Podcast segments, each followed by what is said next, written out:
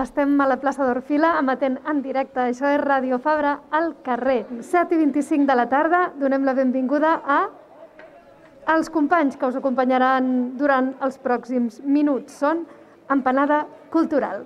Seguiu connectats. Prepareu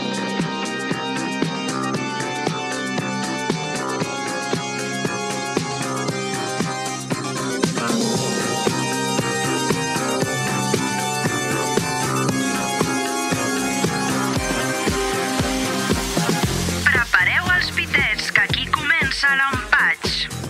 L'embafada. El gran festí. La bacanal radiofònica. Aquí comença Empanada Cultural.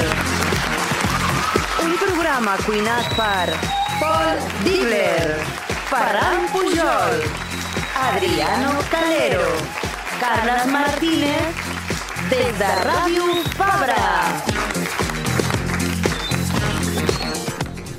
Bueno, bueno, bueno. Bueno, des de Radio madre. Fabra, des del carrer de la plaça, de plaça Orfila, no? Ràdio al carrer.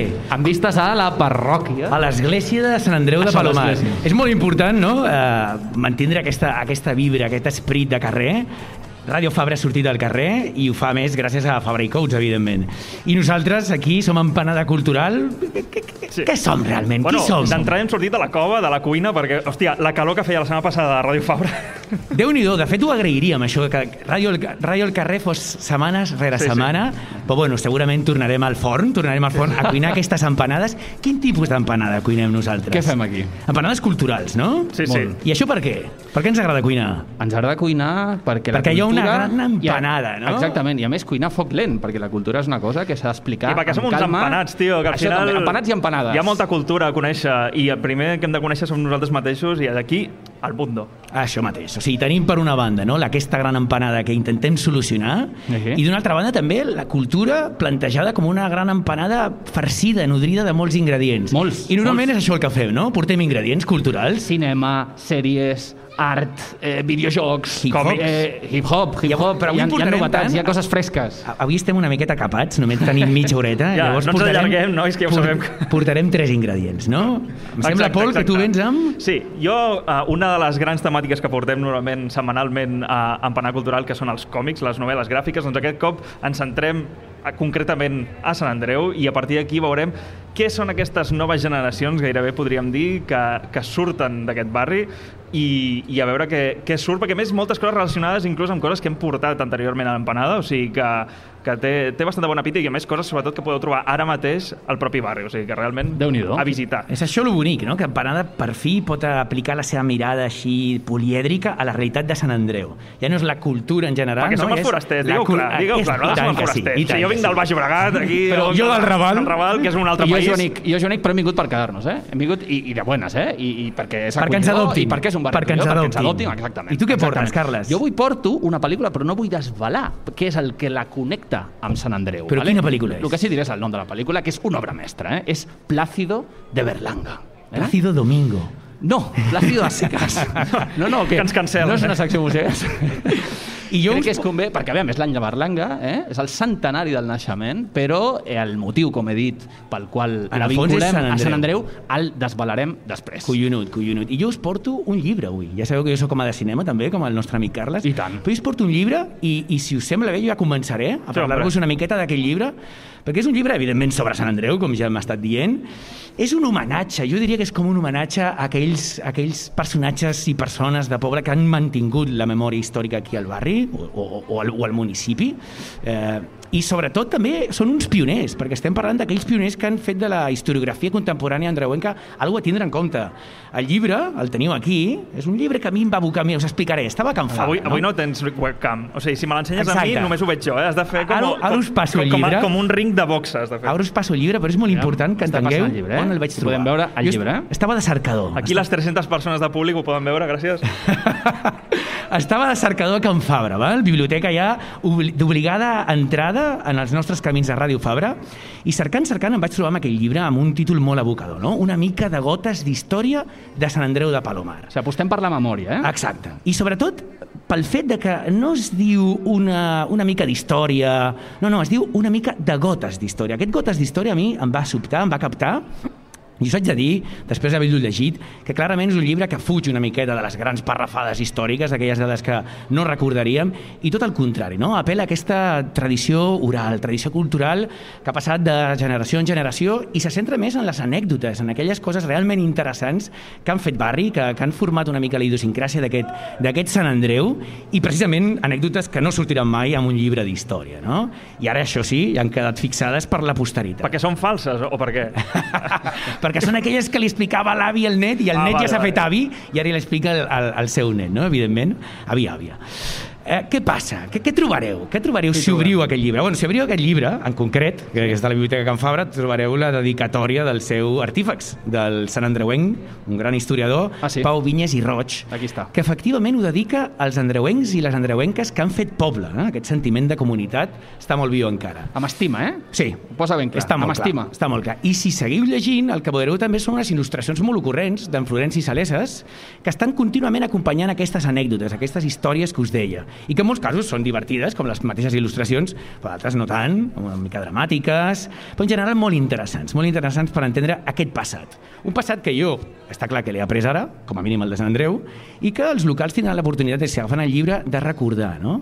Els forans, els forans n'aprendrem. I jo n'he après molt. Per començar, n'he après per què Nassos es diu Sant Andreu de Palomar. Em pensava Per que què? deies que has après a aprendre català, a parlar Això també, català, eh? empanada Això també, cultural, eh? eh? Com... I- això sí amb que és, que amb- anecdòtic. I amb accent andreuenc, eh?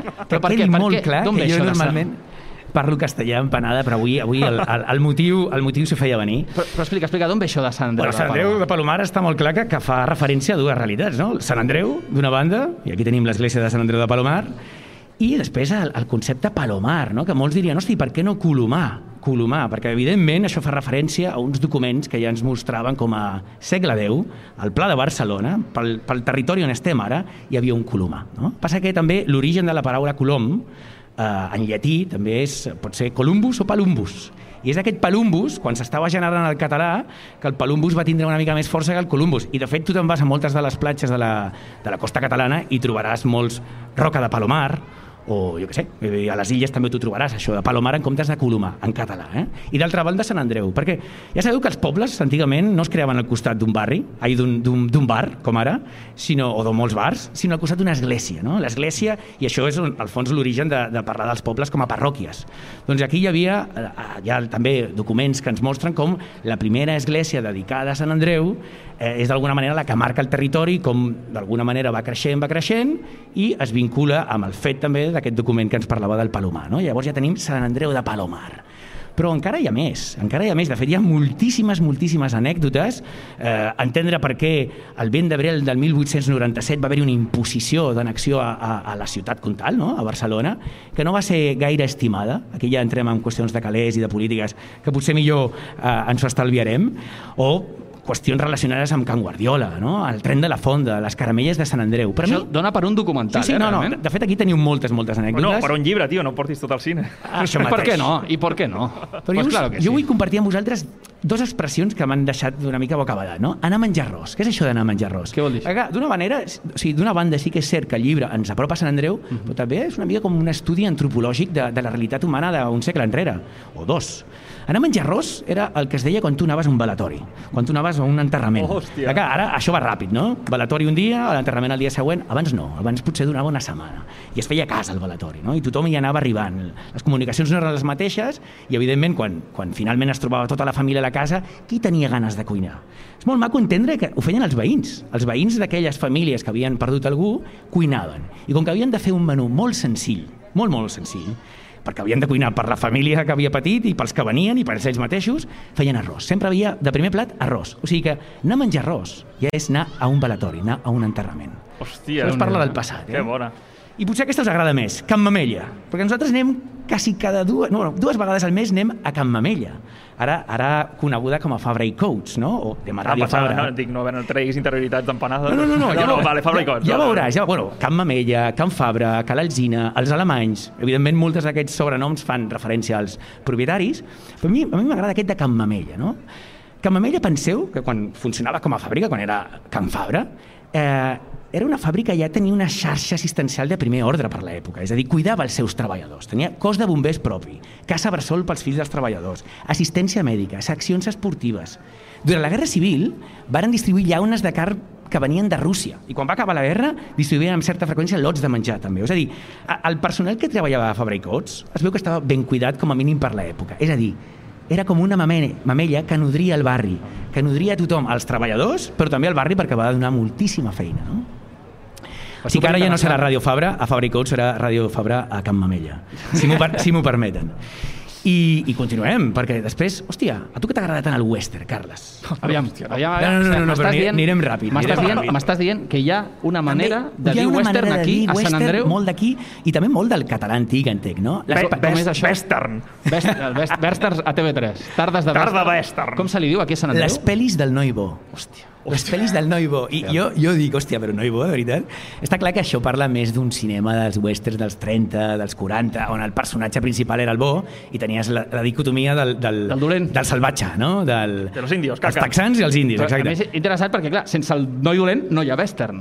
Exactament. Llavors és com... I, i, Però només ser- importava ser El més bo. important és el bo, Exacte, eh? És el western clàssic. Així se li deien, i, i en el fons és paradoxal com eh, moltes de les anècdotes parlen d'una certa violència al barri també, és a dir, bueno, al municipi en aquella època, no? Al segle XIX es veu que viure a Sant Andreu era de vegades viure com a un western. I hi ha una anècdota en concret que diu com els, a les tavernes, evidentment la gent es picava, però això sí, no com els westerns, no trencaven taules, no trencaven cadires, hi havia un crit de guerra que tothom els hi feia reaccionar. I aquest crit de guerra era el gas. Gas. No a todo gas, eh? El gas. El gas. Què volia dir això? Tothom que hi era al bar i que volia veure aquella baralla, els, els mateixos no, uh, pinxos que s'anaven a barallar, barallar també, anaven a la Riera de Sant Andreu, a tocar de l'estació i davant de l'edifici del gas era on es treien els ganivets. Sí, sí, per aquesta penya, armes de foc no, però de ganivets sí que anaven, anaven ràpid, eh? Un, un Scorsese de Sant Andreu gravaria ja, eh? Jo crec que sí. Faria un Malas Calles Jo ara, crec que ara, sí. ara, ara això versió al gas. Ara, actualment, tota aquesta borrasca ha anat fins al teu barri, no? Ara això és Raval. El western s'ha anat al Raval. Però jo crec que allà hi ha també armes de foc, eh? com hi ha una altra anècdota d'aquell llibre, que en el fons, i això em fa, fa pensar en McGregor i tot, actualitat total, eh? perquè es veu que una vegada un pinxo estava fent el valent allà a un bar i va començar a fer, venga, ronda para todos, però es va veure que va haver-hi un noi que va dir no, no, escolta, jo no vull beure del teu whisky. Entenc que en aquella època no era whisky, eh? era un licor. Però això és el que li va passar al McGregor, no ho sabeu? Un bar, no?, que va oferir a un tio whisky, el seu whisky, Ah, sí? tothom en va beure, menys un tio, el McGregor, el- el- el, el- lluitador de UFC. Ah, vale. El lluitador de UFC. Aquest tio li va Pinya, fotre un pinya, cop de pinya. puny al senyor parroquià que no volia beure del seu whisky. Aquí va ser una mica diferent. El pinxo li va oferir uh, una copa i aquest home es va rebutjar l'altre es va emprenyar, li va tirar la copa a la cara i això sí, la resposta va ser exactament el que he dit que no es feia treure una arma de foc i fotre-li un tret no? això, ja, això ja ha marxat però també us haig de dir, eh? ningú no va patir perquè ell, perquè ell ha assassinat eh? és a dir, la justícia com sempre eh, es compra per, pel, pel beneficiat no? Pel tot el que estàs dient, sembla que el noi bo de les pel·lícules del western, western, El eh, western. sembla que és el que es troba a faltar, no? Sembla el tio de dir, perquè amb tot el que m'estàs dient, no? que aquesta zona del gas, És que on és- hi havia les és- és- trifulques... és que és potser per quan- això- Quan veien a les pel·lícules deien, no, és que el noi bo és el que necessitem aquí. És potser per això que el cinema sempre ha volgut crear com un discurs, no? que tothom ha de mantindre, i aquell noi bo que no existia a carrer se l'havia de trobar a la pel·lícula. No? L'èpica necessària. És que hem canviat molt, hem canviat molt, però de nois bons i de nois dolents encara n'hi ha molts. Hem canviat tant que avui estem aquí a la plaça Orfila, però encara es coneix també de vegades com la plaça de la Missa. I això és per raons evidents, no? Per aquesta església de Sant Andreu de Palomar que ens acompanya, aquesta església noucentista. La plaça de la Missa. I a la plaça de la Missa, per exemple, anys enrere, no sé com han viscut aquí a l'estiu, no? I, i bueno, l'entrada de l'estiu i sobretot la nit de Sant Joan. Però penseu que anys enrere, en aquí es feia una gran foguera comunal on hi tothom hi portava llenya. Això em sembla que inclús ho hem arribat a viure nosaltres una miqueta, Aviam, depenent de aviam. l'edat, depenent de Sí, l'edat. no, clar. Però aquí 90s, eh? M'estàs es parlant d'uns 90s. Es fotia una gran... Això estic parlant de segles enrere, però Sí, clar, Bueno, però, llavors però si dius que ho hem llavors no. viscut, si dius que s'ha ho hem anat viscut... mantenint amb alguns llocs fins quasi, quasi, quasi 20 anys enrere, no? 20 anyets. Grans fogueres comunals on hi tothom hi portava llenya. Però hi havia una altra història també. Fotien una figura d'herbes ramallaires, herbes màgiques que en deien. Eh? No, no penseu en el que esteu pensant, penseu en Alfàbrega, en Ruda, Falguera... La mística de Sant Andreu. Exacte, i que es creia que, que adquirien virtuts sobrenaturals durant la mitjanit. Jo crec que potser no s'havien adonat que era, com us estava indicant, no? una altra herba. No? Ai. I a casa tothom, a la pastera, fotent coques de Sant Joan.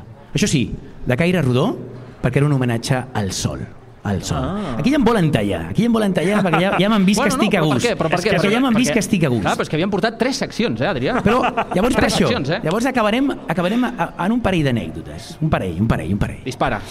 Una, el Verdum. El Verdum, evidentment, és un barri de nou barris, no? Però el Verdum era un lloc mm, ple de vinyes, quan Sant Andreu era molt Sant Andreu, no? Què passava? No us sona aquest nom de Verdum? Promena? Maribel Verdum, no? No, no, no, no, no, no, no. Tu d'història vas malament, ja ho sé.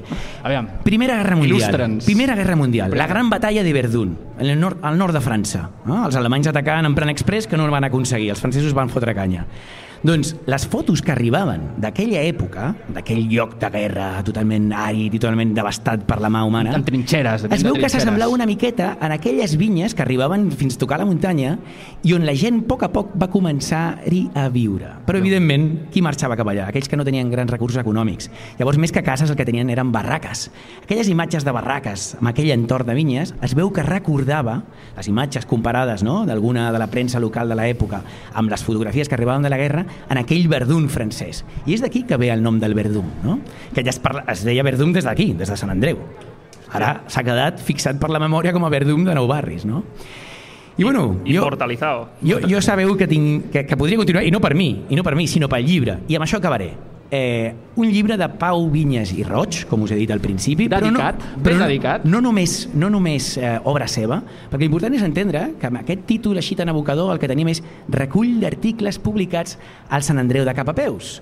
És a dir, que en Pau Vinyes, aquí en el fons ha fet una labor brutal de coordinació, però que el que ha tret, aquestes anècdotes són antics articles de la revista, una revista santandreuenca de premsa local, que us haig de dir que és la revista més antiga de, de, de premsa local de Barcelona. Estem parlant d'una revista que dintre de poc farà 41 anys i continua continua. Una revista veïnal que, en el fons, està plena de col·laboradors, professionals que, que, que ara són de renom, però periodistes, historiadors, fotògrafs, sociòlegs, politòlegs... És com una escola, Hi ha aquesta il·lustradors, eh, Potser, Adriano... potser agafes feina, potser agafes feina. No ho sé si hi ha il·lustradors, però tallem aquí. Tallem aquí, simplement que la gent ho recordi, una mica de gotes d'història de Sant Andreu de Palomar, de Pau Vinyes i Roig, amb aquests articles de Sant Andreu de Capapeus. I, sisplau, sí. Aclarem-lo d'il·lustració perquè el Pol és el clar, nostre, el nostre especialista, Gràcies, Adriano, per donar-me peu. especialista en còmics. De forma orgànica. Uh, no, a veure, doncs, si parlem de còmic i si parlem de Sant Andreu, jo crec que el gran guanyador sempre és, no sé el coneixeu, el Graf, que és, és un, un, un festival, bueno, diria una convenció de, de còmics, sobretot de, de lo que seria aquest còmic d'autor, aquest còmic underground que es fa a Fabra i Cots, i és potser el que seria el Saló, que per mi també és molt més prioritari el Graf, jo us ho dic ara. Més que res perquè també trobes tota aquesta banda, aquesta vessant de nous autors, o no tan nous autors, però sí que tota aquesta vessant més underground, més, més de l'autoedició, que és una cosa també hem reivindicat des de sempre, diem des de sempre perquè fa dos anys que estem fent Clar, el com- com la revista aquesta, no? Quasi 41 anys. Nosaltres- Important exacte, recordar-ho. És com el, quan vam fer l'entrevista als de fa poquet, no? els de, Sí. els de l'editorial, i era a 20 anys, dos anys, és bueno, un zero. Quasi, quasi. Uh, però sí que és veritat que estem parlant de que, bueno, Campanada tractem molt el tema del còmic, però sí que és veritat que um, no només hi ha el graf, sinó que ara mateix, fins fa res, crec que el diumenge passat va haver-hi una exposició justament a la Biblioteca de Can Fabra eh, sobre els guanyadors finalistes de la beca Carnet Jove Connecta't al còmic 2019, entenc que 2019, perquè el 2020, com tots sabemos, Ha quedat anul·lat. Exacte. Llavors, bueno, també recordar que Can Fabra, ojo aquí, el tema, és com, o sigui, jo viuria allà, perquè és 25, més de 25.000 còmics tenen. A la Biblioteca és, Ignasi- És, de les que un- més hi ha. un Jo- Ignasi Iglesias de Can Fabra, Ha de no? ser tranquil·lament És el un- lloc que hi ha més còmic eh, en quant a biblioteques de Barcelona, però vamos, Un- teniu una planta sencera. Un Babel de Sant Andreu, eh? Un Exacte, esperem que no s'incendi. Eh? Esperem. doncs... Um, No, això era Alejandria, eh? Ah, bueno, Seria- Seria un... Segur que algun foc, allà. algun foc algun, devia- algun, sí, jo crec. algun A més, ara, ara que fa per allà. calor, ara que tenim calor. doncs bé, en aquesta, en aquesta exposició que no podreu veure, però bueno, igualment la, la destaquem, eh, eh, eh, trobàvem aquestes, aquest, diguéssim, nou, nous talents, no? podríem dir, um, i, i us he passat a vosaltres, la gent que ens escolta no ho podrà veure, òbviament, però a vosaltres dos us he passat, no sé si ho podeu veure, les tires que es podien veure allà. Vaig fer algunes fotos de les Antó que de Pau. aga- Estic veient ara una Antó- mateixa que es diu Antó de Pau. Exacte. Hi ha, hi ha un parell que em van semblar bastant interessants. Seria la canya, que imagina que passin aquestes dues persones, seria la canya. Eh? Um, del Arnau López Mazorriaga, si, si està, doncs que faci un pas endavant. Sisplau. Um, però que té, té unes tires que tenen un rotllo molt... Us en recordeu quan hem parlat, que hem parlat molts cops d'Albert Montells, no? De, de, Mhm, sí. de, del que va pertany al jueves, després... Però sobretot aquesta vessant ciència-ficció, fantasia que té, no? I crec que és un, un, un tio que, hòstia, aquest l'Arnau, que, que, que té un rotllo molt aquest ciència-ficció, humor, estil universo, saps? I jo crec que aquest pot tenir bastanta bona Sí, pinta té un en punt el a, a, a fantàstic humorístic, no? A, a la comèdia del fantàstic. I movent la ironia, no? Sí, Una sí, miqueta. sí, sí. Però després hi ha un que és potser... I mira que és ras i curt, eh, el, el que us dic ara, que és Aviam. el meu preferit totalment que hi havia allà a l'exposició, que és del Pau Serramià, que, que és que fa tres tires còmiques Boníssim. sobre coloms, però és que t'inclou vells, t'inclou cotxes i t'inclou nazis, no? O sigui, és, hi ha un punt d'humor... I no per aquest ordre, eh, a més. No, no, és que ha deixat el millor pel final, llavors. No, no, no, però té aquest rotllo també molt comèdia del jueves. Aquest potser inclús et diria que també és bastant bon taste o, o, o bastant font de vila, aquest, aquest estil com molt cartoon, però que realment, hòstia, els textos, bueno, ja els, teu, els heu llegit, no? Que té aquest rotllo... El de... En vols llegir algun? No, no, Adriano? entenc que això del colo, dels coloms ve per la idea del colomar, no? Estan fent una Exactament. miqueta de- de- d'història a partir del còmic, estan intentant recuperar la història a partir del còmic. I- Això ja no sabria dir-t'ho, eh? A més, curiosament, t'agafa la figura d'un colom per eh, fer-te un retrat social de lo que és el Sant Andreu. O sigui, és veritat que t'ho fa molt caricaturès, molt paròdic, però, però que està bé que t'agafi la figura d'un colom, no? Algo Sí, tan sí. simple com això, com a leitmotiv per explicar-te eh, un ambient. Jo ja us dic, aquests dos és molt interessant com per, bueno, potser seguir-los la pista, però anem al tema que, que m'ocupa, perquè jo anava a fer aquesta secció sobre aquella expo, però que és que a la- a l'hora d'anar a, a l'exposició, a la planta, això és a la primera planta, bueno, era la primera planta de la, de la biblioteca, però a la planta baixa, i ara això sí que no ho sé si ja l'han tret o encara hi és, però hi ha una micro, micro, micro exposició, un, un estant, gairebé podríem dir, que és sobre l'autoedició de fanzines, ¿vale? Llavors és com... Hi ha, eh, de fet, hi ha com mostra fanzins que es diu com fer un fanzin, d'acord? Llavors, em va semblar molt interessant perquè, a més, com- ja, ja ho sabeu que des d'Empanar també molts cops hem reivindicat aquest punt de l'autoedició, l'auto... No? O sigui, Fes-t'ho el, tu. el, fes-ho tu, no? el do it yourself, no? i el graf és un gran component com per, per mostrar tot això, a part d'altres llocs més cap al centre que, que, bueno, que no nos paguen, no? Oi? Però bueno, com Fat Bottom o altres llocs que, que, que potencien molt el tema no? de, de, del fanzine. Però aquí, en aquest cas, eh, el que expliquen és que Dani Gómez, que, que és periodista, humorista gràfic, comunicador visual, bueno, hi ha un, un llarg etcètera, però sobretot també hi ha aquest punt d'il·lustrador teòric del còmic que el que va fer és eh, fer un taller a, a la- als alumnes de segon d'ESO de l'Institut Puigverd que han pogut crear fanzines, o sigui, el, és un taller de creació i ell, per, i ell, per poder arribar a fer aquest taller, va crear un fanzine sobre com crear fanzines. Llavors, clar, és una explicació de... Um, a, a través, a més és molt interessant, a través de l'educació i això, molts cops parlem de que al final les, les, és a dir, la forma que té el sistema en general, no? educatiu, és obligar a llegir llibres que més que sembla que sempre són els mateixos, no? I, i, i em semblava molt interessant també de, a, aportar aquest component de, de, del còmic, no? Fer arribar amb còmic que, joder, de petits tots llegíem còmic, no? I, i, i ara pues, també l'evolució és diferent, no? Ara pues, jo segueixo llegint, però potser més la novel·la gràfica més, potser més adulta, això, però que en el, en el sentit, en l'àmbit acadèmic, hòstia, una cosa com fer un fanzine, que a més en aquest cas era sobre, sobre el propi Sant Andreu, sigui històric, sigui humorístic, mm. però és potenciar també barri, i, i em sembla molt interessant el la combinació d'educació, cultura, Totalment. artístic, arts plàstiques, mm, literatura, dibuix... O sigui, al final era un, un punt d'englobar que, que, hòstia, vaig al·lucinar. I no anava això, però dic, he de canviar la secció. De fet, em crida molt 100%. l'atenció que justament això tingui lloc amb alumnes de l'Institut Doctor Puigverd, que és un institut on justament és bandera de- d'activitats que s'han fet de lleure i esportives amb nanos, amb nens, nenes i joves, eh, promovent l'oferta esportiva en moments de l'estiu on justament no hi ha una oferta. No? I, i justament el, el, els alumnes i, i, i gent de Sant Andreu o d'altres zones de Barcelona han tingut l'in- l'Institut Doctor Puigverd com un nucli per a aquestes activitats. Hòstia, doncs- Que bé que a més serveixi també per estimular la- l'autonomia creativa. Però No? mira, el proper, el proper empanada la fem al pati de del col·le. l'Institut Puigverd. Sisplau. Em sembla de conya. No, no, no, no, però- però sí que és cert el que has dit, Pol, que, que hòstia, és, és que és veritat, el currículum acadèmic d'avui en dia, no? la, la trajectòria acadèmica d'avui en dia, sembla que et projecti a societat, una societat que ja no existeix. Totalment. És a dir, no, el que s'està ensenyant moltes vegades a l'escola no té una resposta a la vida real. Eh, jo, em sembla que s'hauria de fer una revisió de tot això.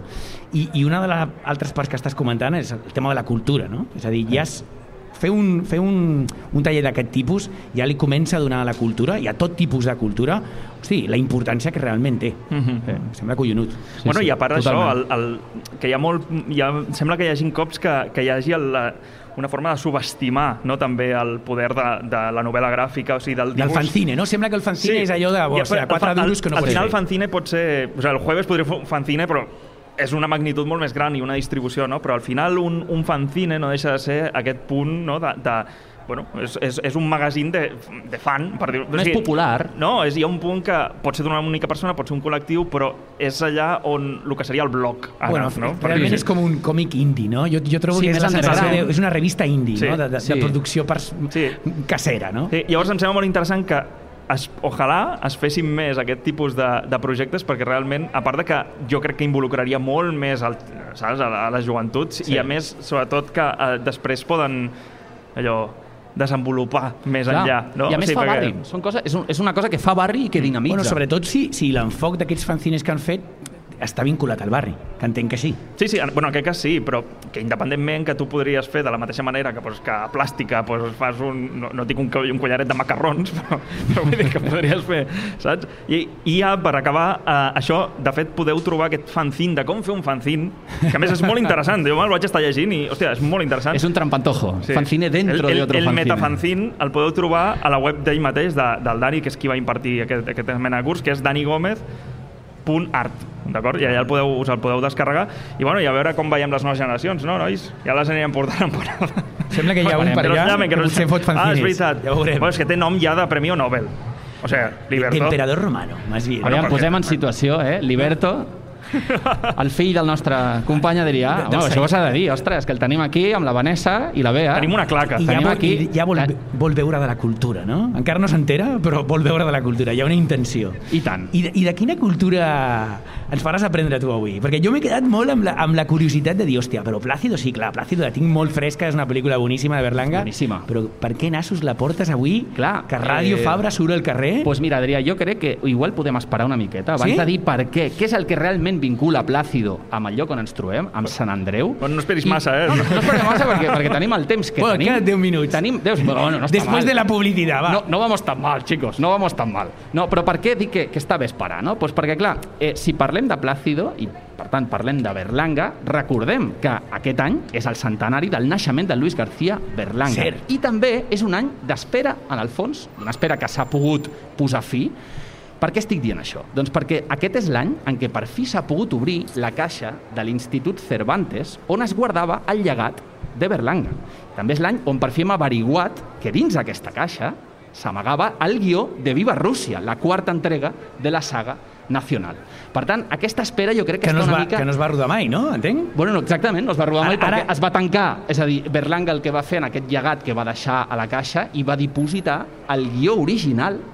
Llavors s'ha pogut descobrir que, que, que la saga nacional no eren eh, tres pel·lícules integrades per l'Escopeta Nacional Patrimonio Ah, això és el que volia Nacional dir. 3, sinó que són quatre, tenint en compte aquesta, la gran pregunta que ens fem és es podrà filmar aquesta Exacte. pel·li? Es produirà? Bueno, aquí està per veure, perquè han passat molts anys. Eh, Berlanga jo crec que està dins del que podríem anomenar un intocable, és a dir, aviam qui és el llest, l'atrevit, diria, que, que diu, no, no, jo agafo... El de. No? El... Esperem que no. segur, segur. Eh, agafo el guió de, de, de Berlanga i em poso a, a dirigir, no? Però en qualsevol cas sí que està molt present aquesta idea d'espera, no? D'espera eh, que per fi s'ha pogut resoldre. Per tant, esperarem una mica abans de dir per què Plácido de Berlanga té relació amb Sant Andreu. Has parlat de la, de la saga nacional i has, has mencionat els tres noms de, dels tres títols de pel·lícules. Sí. La primera, no? l'original, és l'Escopeta Nacional, veritat? L'Escopeta Nacional, Que tot exactament. just l'acaben de restrenar Sí, a important. I, de fet, també l'han distribuït ara a Filmin, o sigui, a, a plataformes de cinema com, com Filmin, no? Mm, Important destacar-ho perquè a més és una pel·li que sempre és bo tornar a veure i pels que no l'hagueu vist, doncs evidentment eh, endavant. Sí, però abans que res posem-nos en situació, no? De què tracta Plácido de Berlanga? Tornem a Plácido, vale, guai. Exactament. En el fons toca un problema 100% contemporani. Una persona ha de pagar un deute abans que acabi el dia. La pel·lícula està ambientada en l'Espanya de províncies del primer franquisme, però si Berlanga la dirigís avui, perfectament es podria encabir dins el context de l'Espanya dels ERTE, de les prestacions que mai arriben, de les factures que no es poden pagar a temps. Clar, el problema de que té Plácido a la pel·lícula, l'any 61, és que el jove protagonista, que, que diguéssim, interpreta el personatge de Plácido, és que ha de pagar la primera lletra de la seva motocarro. Eh? Ell es guanya la vida portant un motocarro i ha de pagar la primera lletra abans que el sol es posi. Què passa? Como Que no un té... tuk-tuk, ¿no? Esto del motocarro. a mí me- sí que té un punt de Sí, sud-est asiàtic. Em sona que el, bo- la bocina podria fer el... Clar, Exacte. Doncs tu imagina, no? l'Espanya eh, dels anys 60, pues això, aquest primer franquisme que acabaria en el 59, però bueno, estem, estem en aquesta època, eh, i pensem, pues, com tu has dit, no? jo, jo penso ara en el sud-est asiàtic, no? I, bueno, i què té a veure? Pues, pues estem en aquest ambient, en aquest escenari de crisi. No? En qualsevol cas, tornem a aquest Plàcido. No? Què passa amb, amb aquest personatge que no té prous diners per poder anar a pagar Però a la la vegada- lletra al notari de, de, de, del motocarro. No? Clar, l'últim dia per tornar al deute coincideix en que és el 24 de desembre. I el, el, el poble on viu, on s'emplaça la pel·lícula Plàcido, eh, hi viu un grup de burgesetes que ha muntat una campanya de Nadal sota el lema, no us ho perdeu, siente a un pobre en su mesa. Aquest és el lema que s'han muntat les pijas del pueblo. I llavors què passa? Que el dia que eh, Plàcido ha de tornar aquest deute coincideix amb això. Llavors hi ha un rebombori, El lío, cavalgades, el hi ha lío. un lío. Eh, en, en a el Berlanga pueblo- siempre hi ha un gran Sí, lío. sí, sí. de, Sempre hi ha un gran exactament, lío. de mucho cuidado. Clar. Llavors, Plàcido és un dels xòfers de la cabalgada d'aquesta campanya. No? I es veu embolicat en tota aquesta espiral i el, el, el, aquests diners que ha d'aconseguir obtenir per pagar aquesta lletra del motocarro se li complica pues, perquè ahí hi ha un, un pitote de mucho cuidado. No? Llavors, aquest argument, evidentment, es podia recordar, eh, per posar una mica en situació, a la narrativa del neorealisme, pues, perquè és, eh, una persona ha d'aconseguir això, ha d'aconseguir una bicicleta, no? com el ladrón de bicicletes de De Sica, o eh, ha d'aconseguir un vestit de torero per poder torejar la plaça a la nit perquè és la feina que té, com mi tio Jacinto de la d'Islau Baida, no? O, o ha sigui, d'aconseguir... O, o la catifa del, del gran Leoski. Això ja no seria neorealisme, Això ja no eh? seria neorealisme. Això muy realista. Però, No, però està, bé, està bé que posis aquest exemple perquè, clar, al final, quan, quan pensem en Berlanga, sí que pensem en, en, en un context neorealista, una cosa pues, de, de, de pobresa, un context de, de tragèdia i de sobrietat, però també hi ha aquest punt, evidentment, que caracteritza Berlanga, que, que, és, que és la comèdia, que és aquest esperpento, que és aquesta comèdia una mica espitada, no? embogida. Berlanga aposta pel retrat d'època, ens dibuixa una Espanya de classe més pendent de aquesta Espanya més pendent del, del postureo que de la veritable solidaritat, no? perquè aquestes dones que fan la campanya, bueno, en general tot el poble que s'assuma a fer la campanya, sempre mira cap a ell mateix a la pel·lícula. No, no hi ha realment un, un sentit de Nadal, no? d'aquesta nit de germanor de Nadal, de caritat, eh, el que Plàcido et parla al final és més de, de un, fa un retrat de la, Sí, de la no- moral podrida de l'època. No? No hi ha ni molt menys un sentiment de comunitat com el que apuntàvem al principi, no? Que- Bueno, Exactament, és, és, Adrià, és, exactament. molt, és molt de boquita perquè si recordeu cada cop li van dient no hombre no però no passa nada en plan que és Navidad nadie te va no nadie te va a, a quitar el carro hoy Exactament. bueno, ojo porque demà ja I, i, el, I aquest punt d'humor, com deia, aquest humor afilat, ironia, sarcasme, no? és el que d'alguna manera acaba impregnant tant la pel·lícula com tota l'obra de, de, de Berlanga, un director que clarament, ho podem dir clarament, eh, va fer de la comèdia de les seves pròpies comèdies, un gènere en si mateix. I les comèdies de Berlanga. De fet, a la RAE s'ha provat de que Berlanguiano. berlanguiano ja es pot dir, ja es- és castellanament correcte dir berlanguià per fer referència al seu cinema, de, de l'impacte i, de- i de tot el, el, el, el Bueno, poder és- que ha tingut no, Carles, en la realment història del és- cinema. És un cinema de deliri amb una mirada... Ho has dit molt bé, no? És un, un cinema de deliri, de comèdia, que sembla que, que, que no acabarà mai, que no saps on et porta, Mhm. però fent un retrat quasi de cirurgià, no? de, de, de la realitat que acompanyava doncs, el Berlanga als 60, als 70, als 80, sempre que va fer cinema. Pel·lícules com Bienvenido Mr. Marshall, El Verdugo, Cala Buc, eh, L'Escopeta Nacional, que comentaves 78. abans, Adri. sí, sí llavors, a, a veure, per què llavors Però porten exacte, això? per És que, què? claro, tío, estamos Sí. acabando ya Bueno, aquí. és que tenia una altra anècdota, jo no sé si dona temps, perquè abans Tens d'aquesta dos anècdota minuts. final... dos minuts. jo, Comencem... jo crec que és més important que ens diguis per què nassos has portat avui Plàcido, tio. Vale, pues sabeu què? Que Que potser no. millor posem una banda sonora de la pel·lícula Plàcido, eh, que vagi sonant, perquè així també li donem una mica més de pes a, a aquesta pel·lícula, que és tan important i que, i que convé tornar a veure i, i, i repetides vegades, no? Mentre estem escoltant la banda sonora de Plácido, mm. firmada pel compositor valencià Miguel Asins Arbó, recuperem aquesta anècdota eh, que, que s'ha fet esperar com, com, com aquest guió de, de, de Viva Rússia tancat en aquesta caixa de l'Institut Cervantes que s'ha fet esperar tant, no?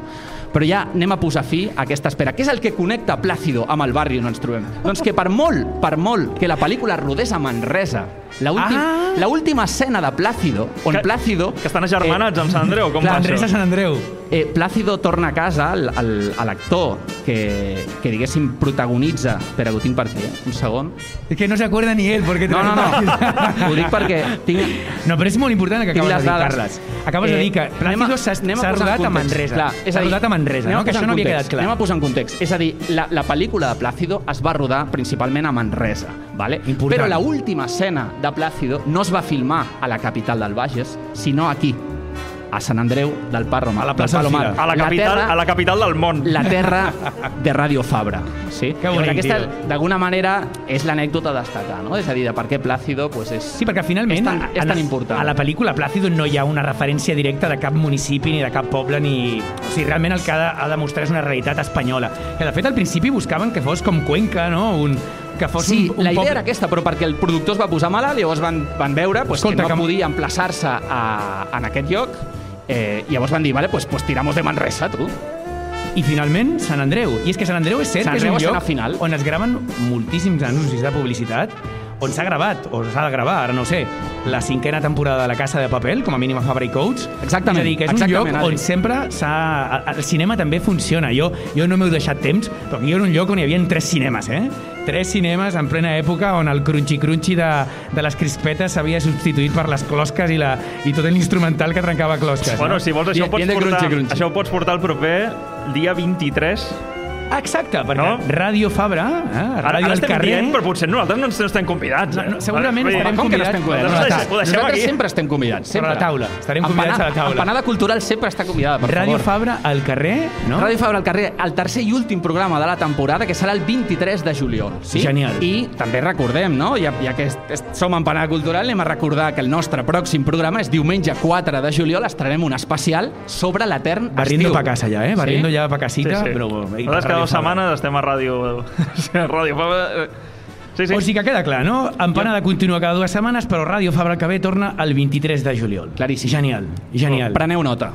I amb això estaríem abacant. Bueno, acabant, home, ja no? que estem, escolteu, tirem, tirem ràdios... Uh, xarxes socials, anava a dir redes socials. Sí, sisplau, sisplau.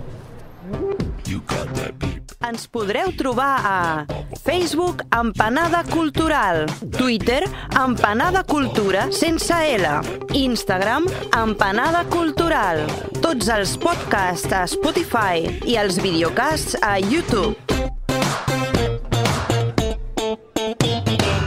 Doncs moltes gràcies, Empanada Cultural. Fins aquí el segon capítol de Ràdio Fabra al carrer.